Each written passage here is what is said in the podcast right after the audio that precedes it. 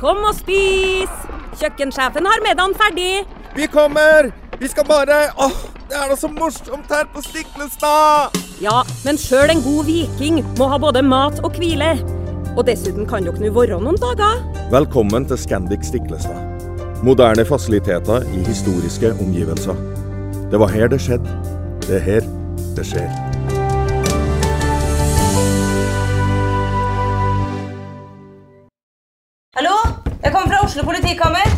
Ine Jansen er purk. Er du purk? The motherfucking bitch. Alt jeg vil, er å finne ut hva som skjedde med mannen min. Jon Carew. Er jeg sikta for noe? Iben Akeli. Det er du. Ole So, Lars Berrum og Big Daddy Karsten. Hvem sin side er du på, egentlig? Anette Hoff, Tone Danielsen, Kommer du fra Afrika? Jørnis Josef, Nesten. Kløfta. Trond Espen Seim, Det er synd å si det, men det var feil mann som døde. Purk. Premiere tirsdag på TV2 Play.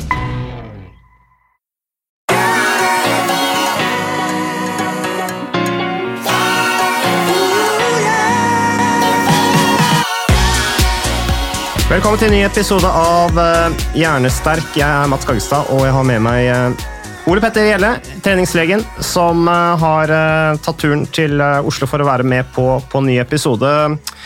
Ole Petter, episoden, pod, altså podkasten Hjernesterk, det er jo Det skal jo handle om vi snakket jo om det i innledningen at det skal handle om effekten trening har på hodet, det mentale rundt fysisk trening, de elementære effektene av fysisk aktivitet.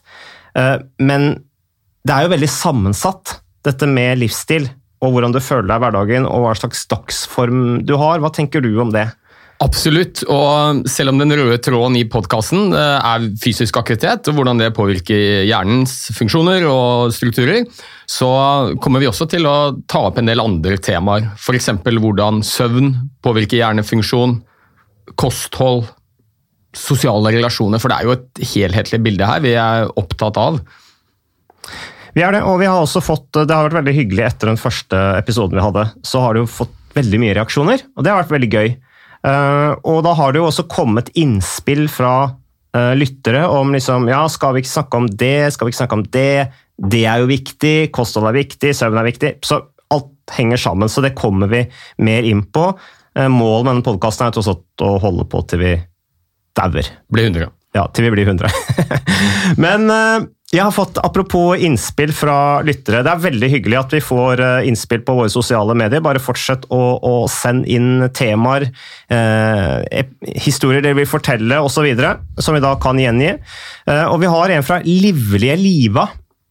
Som, som sender inn et innspill her. Uh, om vi kan snakke om fysisk aktivitet og overskudd hadde vært et fint tema, skriver hun til meg på, på Instagram. Og det er jo veldig eh, midt i blinken uh, i forhold til den podkasten her. Men i spørsmålet hennes fysisk aktivitet og overskudd hadde vært et fint tema, det er jo veldig sånn elementært, da, eh, og egentlig stort, eh, stort eh, tema. Det kan jo handle om overskudd, hva er det, liksom? Og mange som ikke trener, når jeg leser det spørsmålet, mange som ikke trener eller ikke mosjonerer, de sier gjerne at de ikke gjør det fordi at de er for slitne til å gjøre det. Hva er din opplevelse av det, Ole Petter? Min opplevelse av det er jo at det er kanskje den vanligste årsaken. Når jeg snakker med om det er pasienter eller andre som jeg prøver å motivere og hjelpe til å bli mer fysisk aktive, så er det ofte den ene faktoren de eh, forteller meg er, er rett og slett den viktigste årsaken til at de ikke kommer seg ut. Det å være sliten. Og her tenker jeg litt flere ting. Det ene er jo at altså, hva er sliten? Det er jo et begrep som ikke er veldig definert. Noen snakker om fysisk sliten, og det er jo den typen slitenhet du vil oppleve etter at du har vært ute og trent, gått en lang tur. Så vil du føle deg sliten fysisk etterpå. Eller så kan du være mentalt sliten, hatt en tøff dag på jobben, vanskelige ting som skjer hjemme. Så det er, det er flere elementer av det å, å være sliten.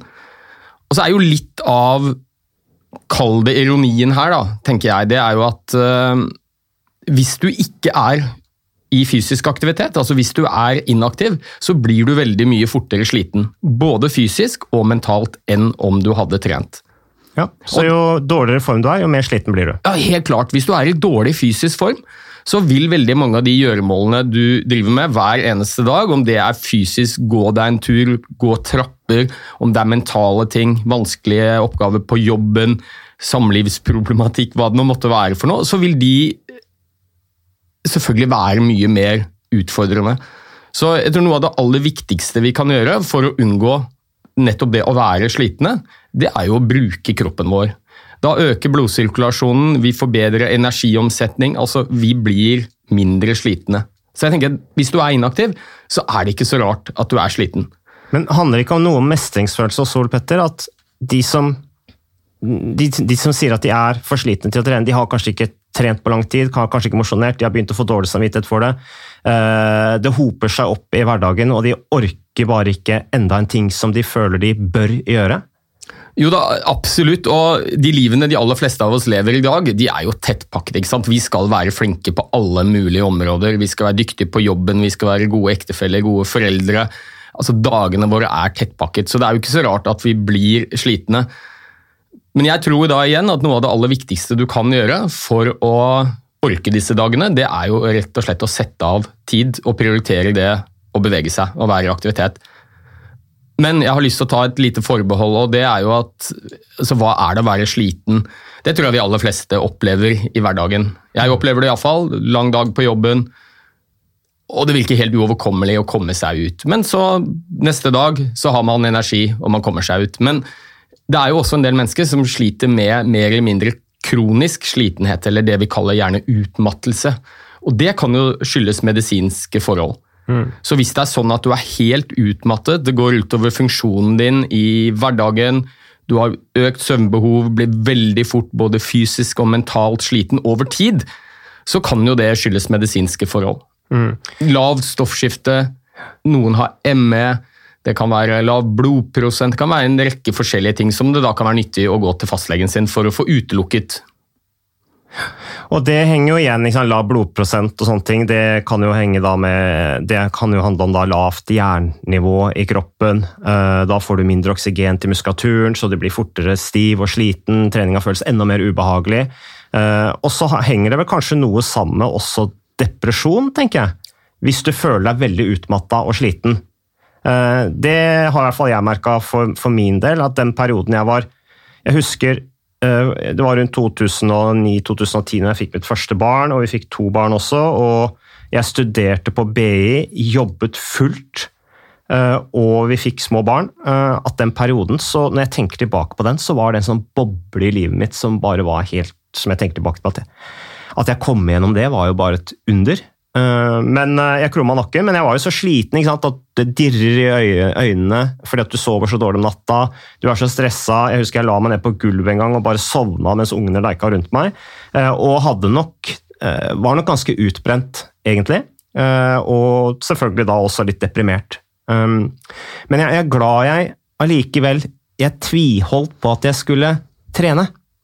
Men det er jo også, tror jeg, også et problem med de som kanskje sier at de føler seg veldig slitne, ikke har trent på veldig lang tid, har mye å gjøre, de setter kanskje for høye, for høye krav til seg selv når det gjelder gjennomføringen av treningen. For det jeg gjorde i den perioden der, var ikke at jeg trente mye, men jeg trente ofte 20-30 minutter. Eh, og det gjorde at jeg liksom hadde en kontinuitet og ga meg en følelse av mestring, og det holdt meg jo en viss form også. Eh, og ga meg litt sånn pusterom i hverdagen. da. Det opplever jeg at det er for mange, og særlig blant de vennene mine som er tidligere isutøvere. De skal på død og liv gjøre det de gjorde når de ikke hadde barn, ikke jobba, og da er det liksom ikke noe vits å gjøre det, hvis ikke de gjør det skikkelig. Og det er jo synd, da har de på en måte misforstått litt, mener jeg da, hva egentlig fysisk aktivitet handler om. Ref de andre episodene her, hvor vi har snakka om den umiddelbare effekten av mosjon. Tror du ikke mye av problemet ligger der? Jo, det er klart at uh, I enkelte deler av livene våre, småbarnsperioden f.eks., så er det klart man er sliten. Og Det tror jeg de aller aller fleste opplever, og da er det ekstra utfordrende å komme seg ut og få trent. Og, Da tror jeg det er veldig viktig, sånn som du sier, og da må man legge listen litt, litt lavere. Ikke tenke prestasjon eller nå må jeg trene sånn som jeg alltid har gjort tidligere, men prøve å komme seg ut allikevel. Og, og, veldig mange av de eh, gevinstene vi snakker om ved fysisk aktivitet, spesielt på hjernen, de krever ikke så veldig mye. Så har du sovet dårlig, du har små barn som våkner om natta, du er inne i en tøff periode av livet, så, så prøv å senke terskelen litt. Gå ut og tusle deg en tur. Altså, alle monner drar. Og Da tror jeg du vil oppleve at du vil få mer overskudd, og så går jo livet litt i faser, da, og så går jo denne småbarnsperioden over. og, og Da kan man eventuelt gå tilbake igjen til, eh, til gamle vaner. Da kommer 40-årskrisa.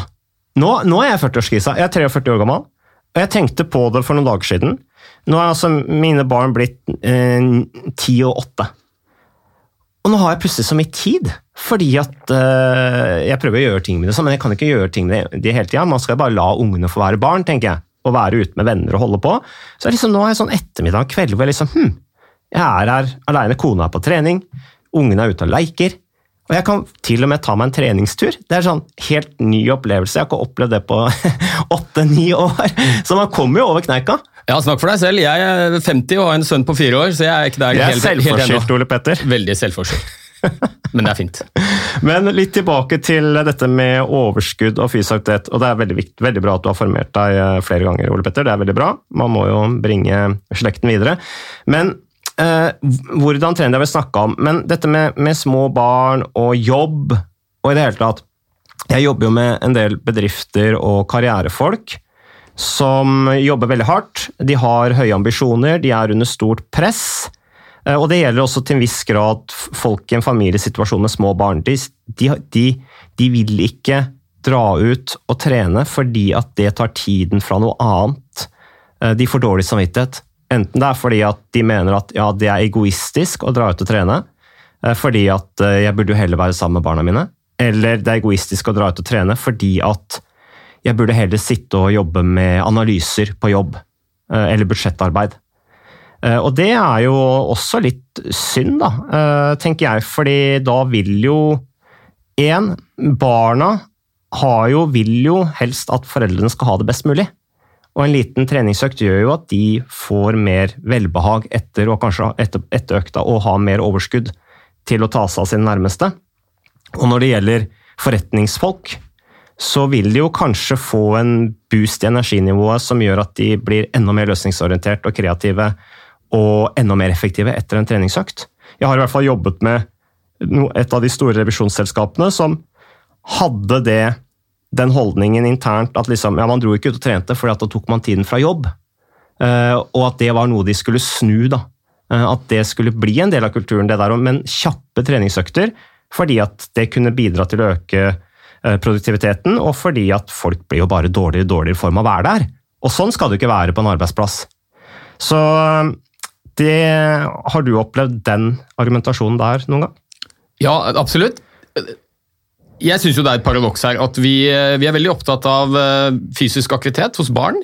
Barnehage, skole, det er stadig debatter om det. Mer fysisk aktivitet i skolen, barnehagen. Barn må få lov til å bevege seg. Og Så blir vi litt eldre, og så begynner vi på universitetet kanskje, og senere ut i arbeidslivet. Og Da er det ingen som snakker om fysisk aktivitet. Hvorfor er det glemt? Og det er veldig godt dokumentert at det å være i regelmessig fysisk aktivitet, være i god form, det styrker jo alle disse hjernenes funksjoner som du er helt avhengig av for å prestere på skole, universitet og på arbeidsplassen. Og så tenker jeg Når man blir enda eldre også, så vi, havner vi kanskje på et sykehjem. Hvorfor har de ikke mer fysisk aktivitet der? Det er jo noe av det aller viktigste du kanskje kunne gjort for helsa deres. Så, men tilbake til det med arbeidsplassen så, så, opplever jeg kanskje at det er begynt å bli en liten endring. Det er flere og flere som har fått øynene opp for at det å ha ansatte som er i god fysisk form, og hvor man tilrettelegger for mer fysisk aktivitet, at det er en del av bedriftskulturen, at det har enorme gevinster på arbeidsplassen. For da får du ansatte, det viser seg i studier det, som trives bedre, de presterer bedre på jobb, og de er mindre borte. Og de blir mindre slitne. De blir mindre slitne. Mm. Og jeg har en kollega som har løst dette på en helt fantastisk måte. Han driver et lite AS med 10-15 ansatte, som er nyoppstartet. Og når han ansatte disse nye menneskene, så var det en arbeidsavtale hvor det sto ganske tydelig definert hva som var arbeidsoppgavene deres. Det var litt forskjellige arbeidsoppgaver, litt avhengig av hvilken rolle du skulle ha. Men det var én felles arbeidsoppgave som alle hadde, og det var at de skulle trene en halvtime hver dag i arbeidstiden. Mm. Det var ikke noe spørsmål om det, det var en del av arbeidsoppgaven. Det kalles helhetlig ledelse. Det kalles helhetlig ledelse. Eh, Men eh, litt tilbake til eh, utgangspunktet til livlige liva. Um, Dette her med fysisk og mentalt sliten, at det er en forskjell på det. Og det var vi litt inne på liksom at hvorfor bruker man ordet slitsomt og sliten så mye i sammenheng med trening? Jeg føler ikke det på den måten når jeg er ute og trener, uansett hvor hardt jeg trener. Eh, Fordi at følelsen etterpå gjør jo at jeg føler meg mindre sliten. Eh, Og da tenker jeg jo at det er jo litt sånn negativt ladet begrep, da. Dette her ordet sliten og slitsomt i relasjon med fysisk trening. Eh, Hva burde man heller den følelsen av mange folk altså, Det kan jo være at de føler seg slitne, at det er slitsomt fordi at de føler ubehag, fordi da, da trener de feil, tenker jeg. At de trener for hardt, eller de trener for lenge, eller de har ikke spist godt nok i, i, i sammenheng med trening. De går kanskje ut og trener på tom mage. Så, men det er litt synd, da, at det begrepet brukes så mye i trening, tenker jeg. Så jeg vet ikke om du har noe å legge til på det, Ole Petter? Nei, altså jeg, Det ordet sliten Jeg kan nesten ikke huske at uh, da jeg var yngre og drev og trente, at det var noe vi, vi snakket om. Da jeg begynte som lege også, så var det det å være sliten Det var det på en måte ingen som snakket om. Men nå så ser jo jeg at det er et begrep som brukes veldig mye. Altså Folk kommer og sier 'jeg er så sliten', og, og lurer på om de skal ha en sykemelding, f.eks. Mm. Det er litt sånn, ja, sliten, det er, det, er, det er jo ikke noe sykdom. Jeg opplever at det er blitt et veldig sånn negativt ladet ord. da. Ja, vi er et samfunn som er slitne. Ja, og så ser jeg det Jeg er fotballtrener for noen gutter på 11 år. Og spesielt nå etter covid-pandemien, eller etter at det har sluppet litt opp, da, så har vi begynt å spille igjen. Og da er det en av de første tingene jeg hører. Jeg, jeg er så sliten, sier de. Jeg orker ikke å spille fotball, jeg er så sliten. Ja. Og da var jeg sånn Så slem du er, Ole Petter. Ja, virkelig, her skal det være slitsomt. Nei, men Og så er det vanskelig å få de til å spille fotball, for de er så slitne. Ja. Og så er det jo litt ironisk da at eh, etter fotballtreningen så var det sånn Ukas annonsør det er uh, HelloFresh. Og eh, hvis du nå går inn på hellofresh.no og bruker koden 'fresh hjerne', så kan du få opptil 1779 kroner rabatt på da de fem første matkassene dine, hvis du ikke har prøvd HelloFresh enda. Og Ole Petter, vi er jo glad i HelloFresh i podkasten Hjernesterk, eh, selvfølgelig fordi at de er en annonsør. De er med og bidrar til å spre det glade ordet om fysisk aktivitet og god helse. Men i tillegg så har jo vi også nå lang erfaring med HelloFresh Fresh selv. Så vi må jo si at det har vært gode erfaringer til nå. Ja, absolutt. Visste du, Mats, at HelloFresh det er faktisk verdens ledende matkasseleverandør? Og tilbudene til HelloFresh gjør det enkelt å lage gode og varierte retter som skaper matglede. Og matglede vet du, det er like viktig som hva du putter i munnen. Det å spise mat med folk du trives med. Så gjennom 25 nye og inspirerende retter hver uke så bidrar HelloFresh til dette. Du kan bestille ekstra porsjoner om du får gjester, eller hoppe over uke hvis du f.eks. skal bort. Og Det er ingen bindingstid, og du velger leveringstidspunkt og dag selv, så leverer HelloFresh matkassen din akkurat når det passer deg. Ikke dårlig, Mats. Nei, det er veldig bra. Så, øh, og dette er med enklere hverdag, det kan jeg nå skrive under på. For nå, forrige erfaring vi hadde forrige uke, Ole Petter, det synes jeg var Det var jo et gjennombrudd øh, for familien Kaggestad. For da lagde rett og slett barna De lagde middag og serverte middagen, så den var ferdig laget og servert da når eh, min kone Marita og meg kom hjem fra jobb. Og jeg mener Det var jo bare helt utrolig. Eh, Det var helt fantastisk. Det ble en nydelig middag. Riktignok de, de, de, de roter og søler litt, det gjør de. Så, men, men maten ble veldig god. De var veldig stolte over å kunne å ha både laget og servert maten, så det var helt fantastisk. Så vi har jo da i det siste så har vi eh, spist eh, bl.a. sitron- og dillstekt hyse med ovnsbakte grønnsaker og aioli. Eh, Vi har spist middelhavsinspirert kylling. Taco, så finnes det mange ulike typer taco. F.eks. vietnamesisk taco, som vi har spist. Thailandsk vegetargryte. Veldig riktig og sunt eh, i dagens eh, samfunn med, med fokus på bærekraft. Hvitløk og chilistekte reker i spagetti, det var definitivt en vinner. Så det er så flott. Du får rimelig mat ved at du kun betaler for det du trenger, så det blir ordentlig feststemning med Hello Fresh. Det gjør det, og nå er det bare for deg å gå inn på hellofresh.no og bruk koden FRESH gjerne. Da får du opptil 1779 kroner rabatt på de første fem matkassene dine, hvis du ikke allerede har prøvd HelloFresh. Du kan også bruke rabattkoden hvis du har stoppet abonnementet ditt for tolv måneder siden eller mer. Er det noe å lure på? Håper maten smaker godt. Bon appétit! Nei, nå skal vi ha pizzakveld, ikke sant? og det, er jo, det var ca. en kilometer unna. Og da skulle disse ungene, da beina de av gårde, ikke sant? Én kilometer, full fart da, for å komme til pizzakvelden. Så de var så slitne at de ikke orket å spille fotball. Men det var ikke noe problem å løpe en Ja. kilometer. Men det er blitt en sånn akseptert unnskyldning for å gi seg, føler jeg. At det med slitsomt det er liksom noe vi skal ta på alvor. Sånn at hvis du er sliten, så ja, da må du ta det litt med ro. Og det kan jo også til en viss grad misbrukes, særlig hvis den yngre generasjonen oppfatter at det er noe de kan bruke for å unngå litt ubehag, eller eh, at de må pushe stayerevnen sin litt. da. Eh, Og jeg, Vi har jo snakket en del om barneoppdragelse i, i denne podkasten, og eh, i og med at vi er barnefedre begge to. Og jeg har jo snakket med mine barn om å bruke ordet sliten. Eh, fordi at jeg blir lei av å høre at de snakka om at de var slitne og var ute på skogstur og hadde det hyggelig og sånn. Eh, og da sa jeg, vet du hva, du, du skal være veldig, veldig sliten for å si at du er sliten, sa jeg. Så nå er det Nå høres jeg ut som en helt forferdelig far, men sønnen min Liam, da, hvis vi er ute og sykler og sånn nå, eller ute og går, så sier han 'pappa, kan jeg få lov til å si at jeg er sliten nå?' sier jeg 'nei, ikke ennå'. Eller 'ja, nå kan du si at du er sliten', Liam, sier jeg. Ja. Da, da er det liksom greit, da. Så, men de, sier, de bruker ikke det ordet mye lenger. Det må jeg si. Nei, og jeg har nå da iallfall tenkt, eh, som har trent eh, aktivt i veldig mange år, at det å bli sliten, fysisk sliten, det er jo en del av belønningen det, ved, ved trening. Det er jo det som gir deg mange av de helsegevinstene og effektene på hjernen etterpå. Det er den følelsen av at du er sliten. Men nå opplever jeg at eh, ordet sliten har fått en helt annen betydning. Det er sånn, jeg orker ikke, dette er for slitsomt. Og ja, det ser jeg også. Bare tilbake til det. Altså, når barna mine sier 'pappa, jeg er sliten', så sier jeg ja, det er bra. For når du blir sliten, da blir du også sterkere. Ja. Det er sånn du blir sterkere av å være sliten. Så det er liksom det der å knytte det opp på noe positivt, da. Ja, og det er liksom med mine barn også. ikke sant? Så jeg er ute og sykler, og så sier datteren min jeg er så sliten, så sier jeg ja, men det er også, føles det ikke deilig? Ja. Det, det er jo en del Da av det å bevege seg. Ja. Så det er bra. Men litt tilbake til utgangspunktet her. Dette med energi, eh, som, som Livlig Lie var inne på. Dette her med, med overskudd. Det er jo energi.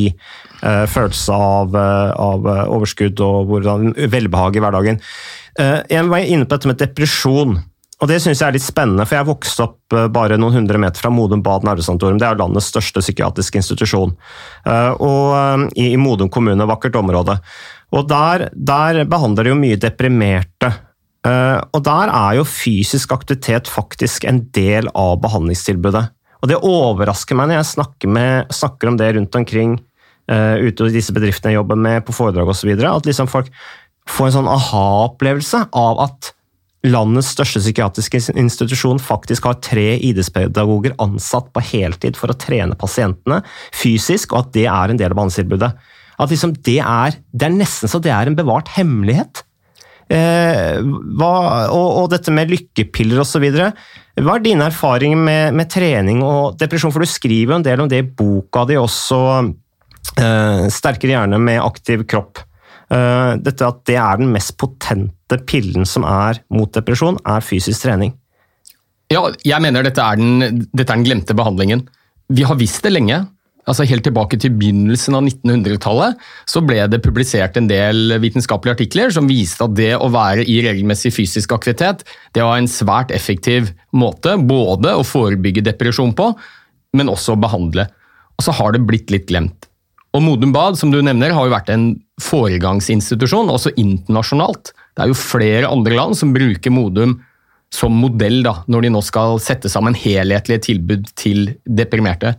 Og Jeg tror vi kan gå så langt som å si at regelmessig fysisk aktivitet det er kanskje det viktigste enkeltverktøyet vi har, både for å forebygge og behandle lett til moderat depresjon, som er en av de viktigste sykdomsårsakene i Norge, som uh, fører til veldig mye sykefravær og individuell lidelse, selvfølgelig, og også er et stort samfunnsøkonomisk problem.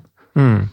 Ja, du, du, du, har vært fastlege, Ole Petter, så du, du har jo behandlet tungt deprimerte mennesker, ikke sant. Uh, det, det, jeg har jo aldri opplevd det, uh, men dette med depresjon Jeg føler vel kanskje at det, det, har til en viss grad vært sånn skambelagt, men dette med mentale lidelser er i ferd med nå liksom på en måte Det begynner å gå opp for folk at det er noe alle må igjennom. Alle, alle skal igjennom en periode av livet hvor de er deprimert, eh, er utbrent, eh, kanskje har litt uh, lettere form for angst for fremtiden og sånne ting. Det er på en måte helt vanlig. Jeg sier at det er som å bli forkjøla. Altså, det er helt normalt, da, men da er det enda viktigere å finne måter å takle det på best mulig. Og der igjen, fysisk aktivitet er en metode for å takle det. Det løser kanskje ikke problemet ditt. Du blir kanskje ikke akutt frisk, men det lindrer problemene dine. Det sier jeg. Og jeg, synes jeg, jeg bare fant fram her mens du snakka om Modum Bad, Ole Petter.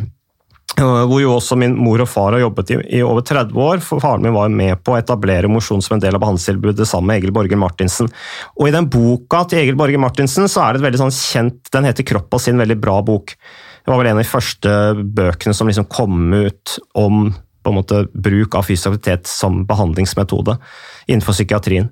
Og Her er det sitat av Søren Kirkegård, Eh, den danske filosofen han ble jo ikke så gammel. da. Han, ble født i 1813 og døde i 1855. og Det er folk som sier til meg at ja, han ble jo ikke så gammel, da, så det er et dårlig eksempel, mener de. da.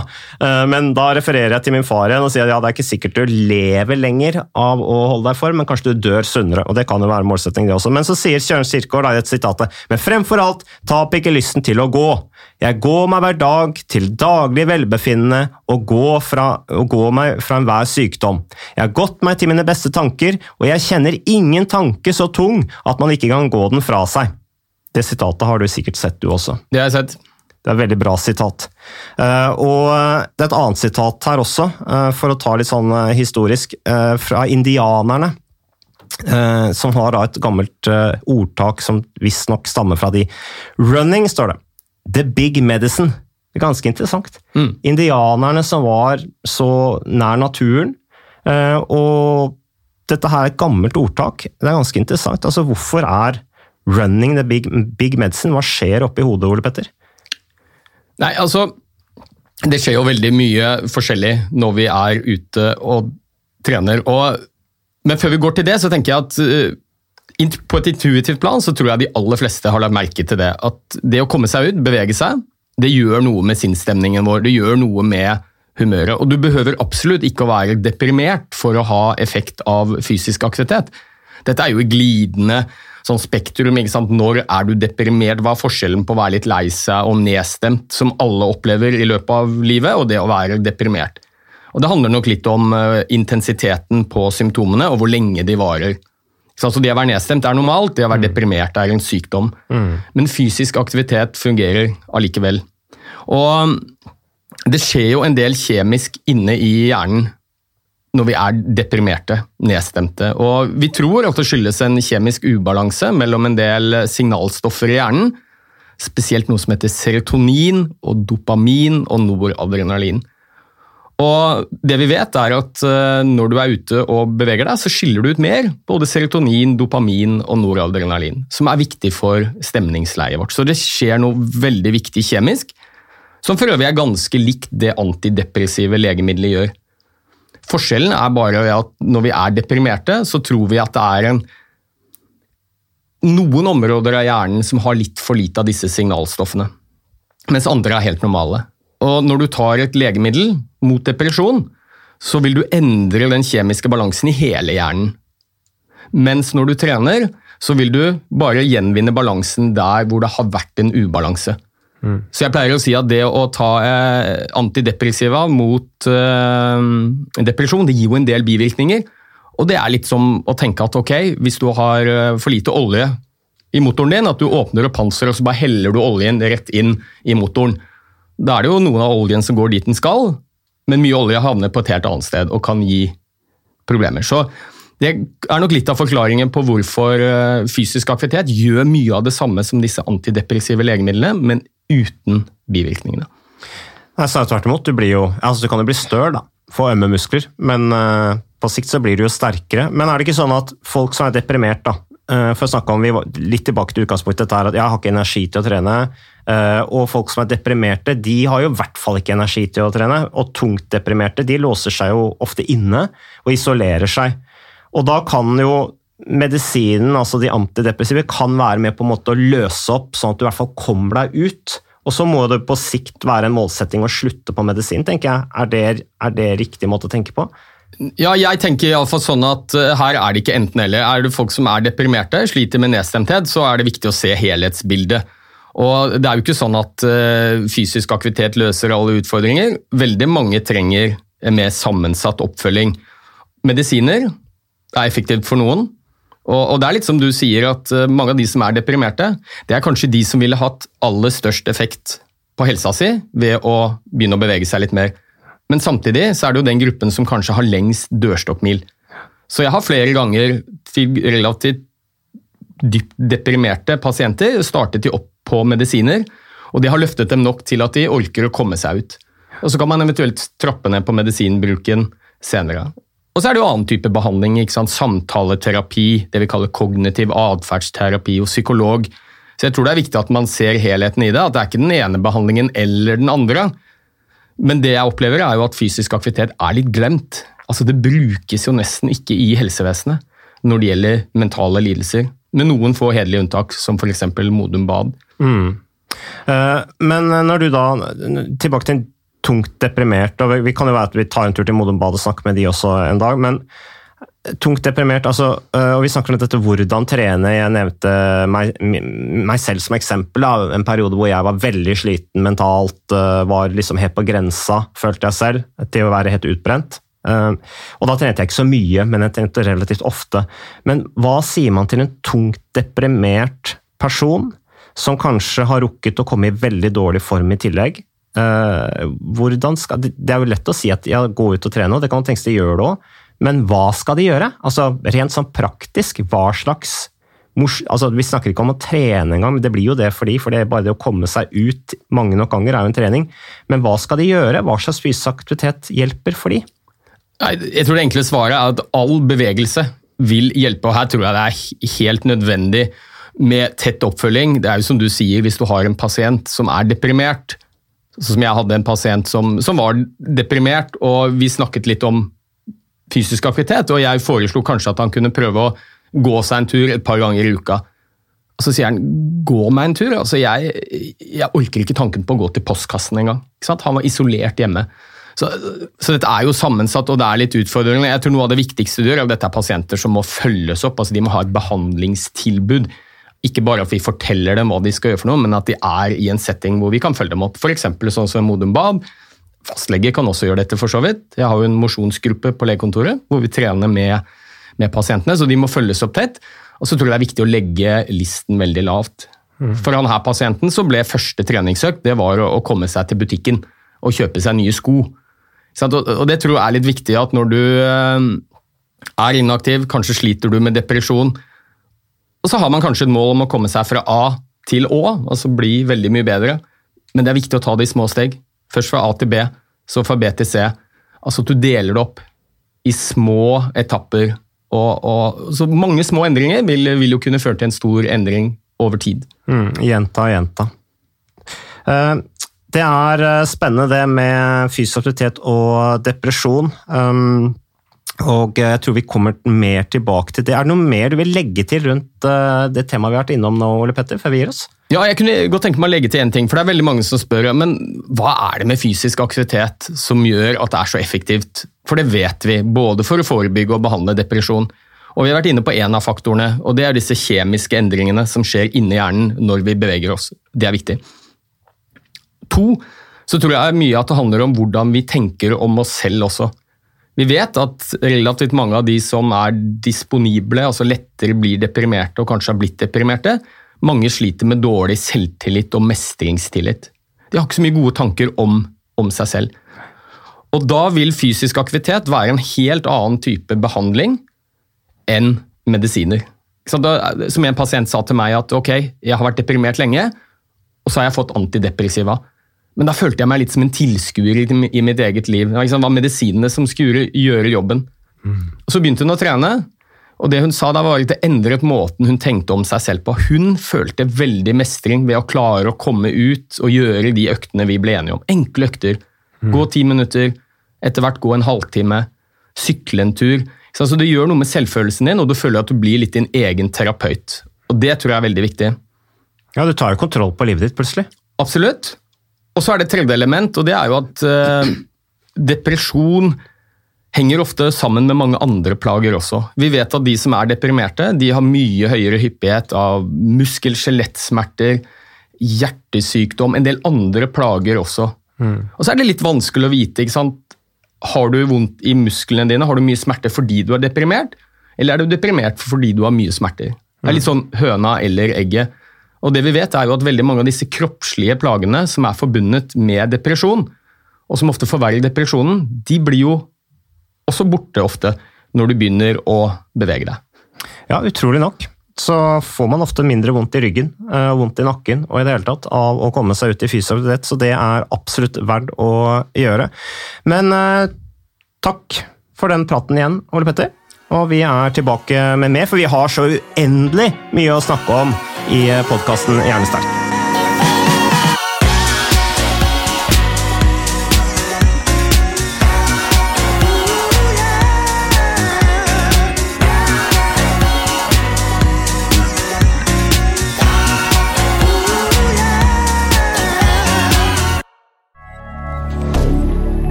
Har du et enkeltpersonforetak eller en liten bedrift? Da er du sikkert lei av å høre meg snakke om hvor enkelt det er med kvitteringer og bilag i fiken, så vi eh, gir oss her, vi. Fordi vi liker enkelt. Fiken superenkelt regnskap.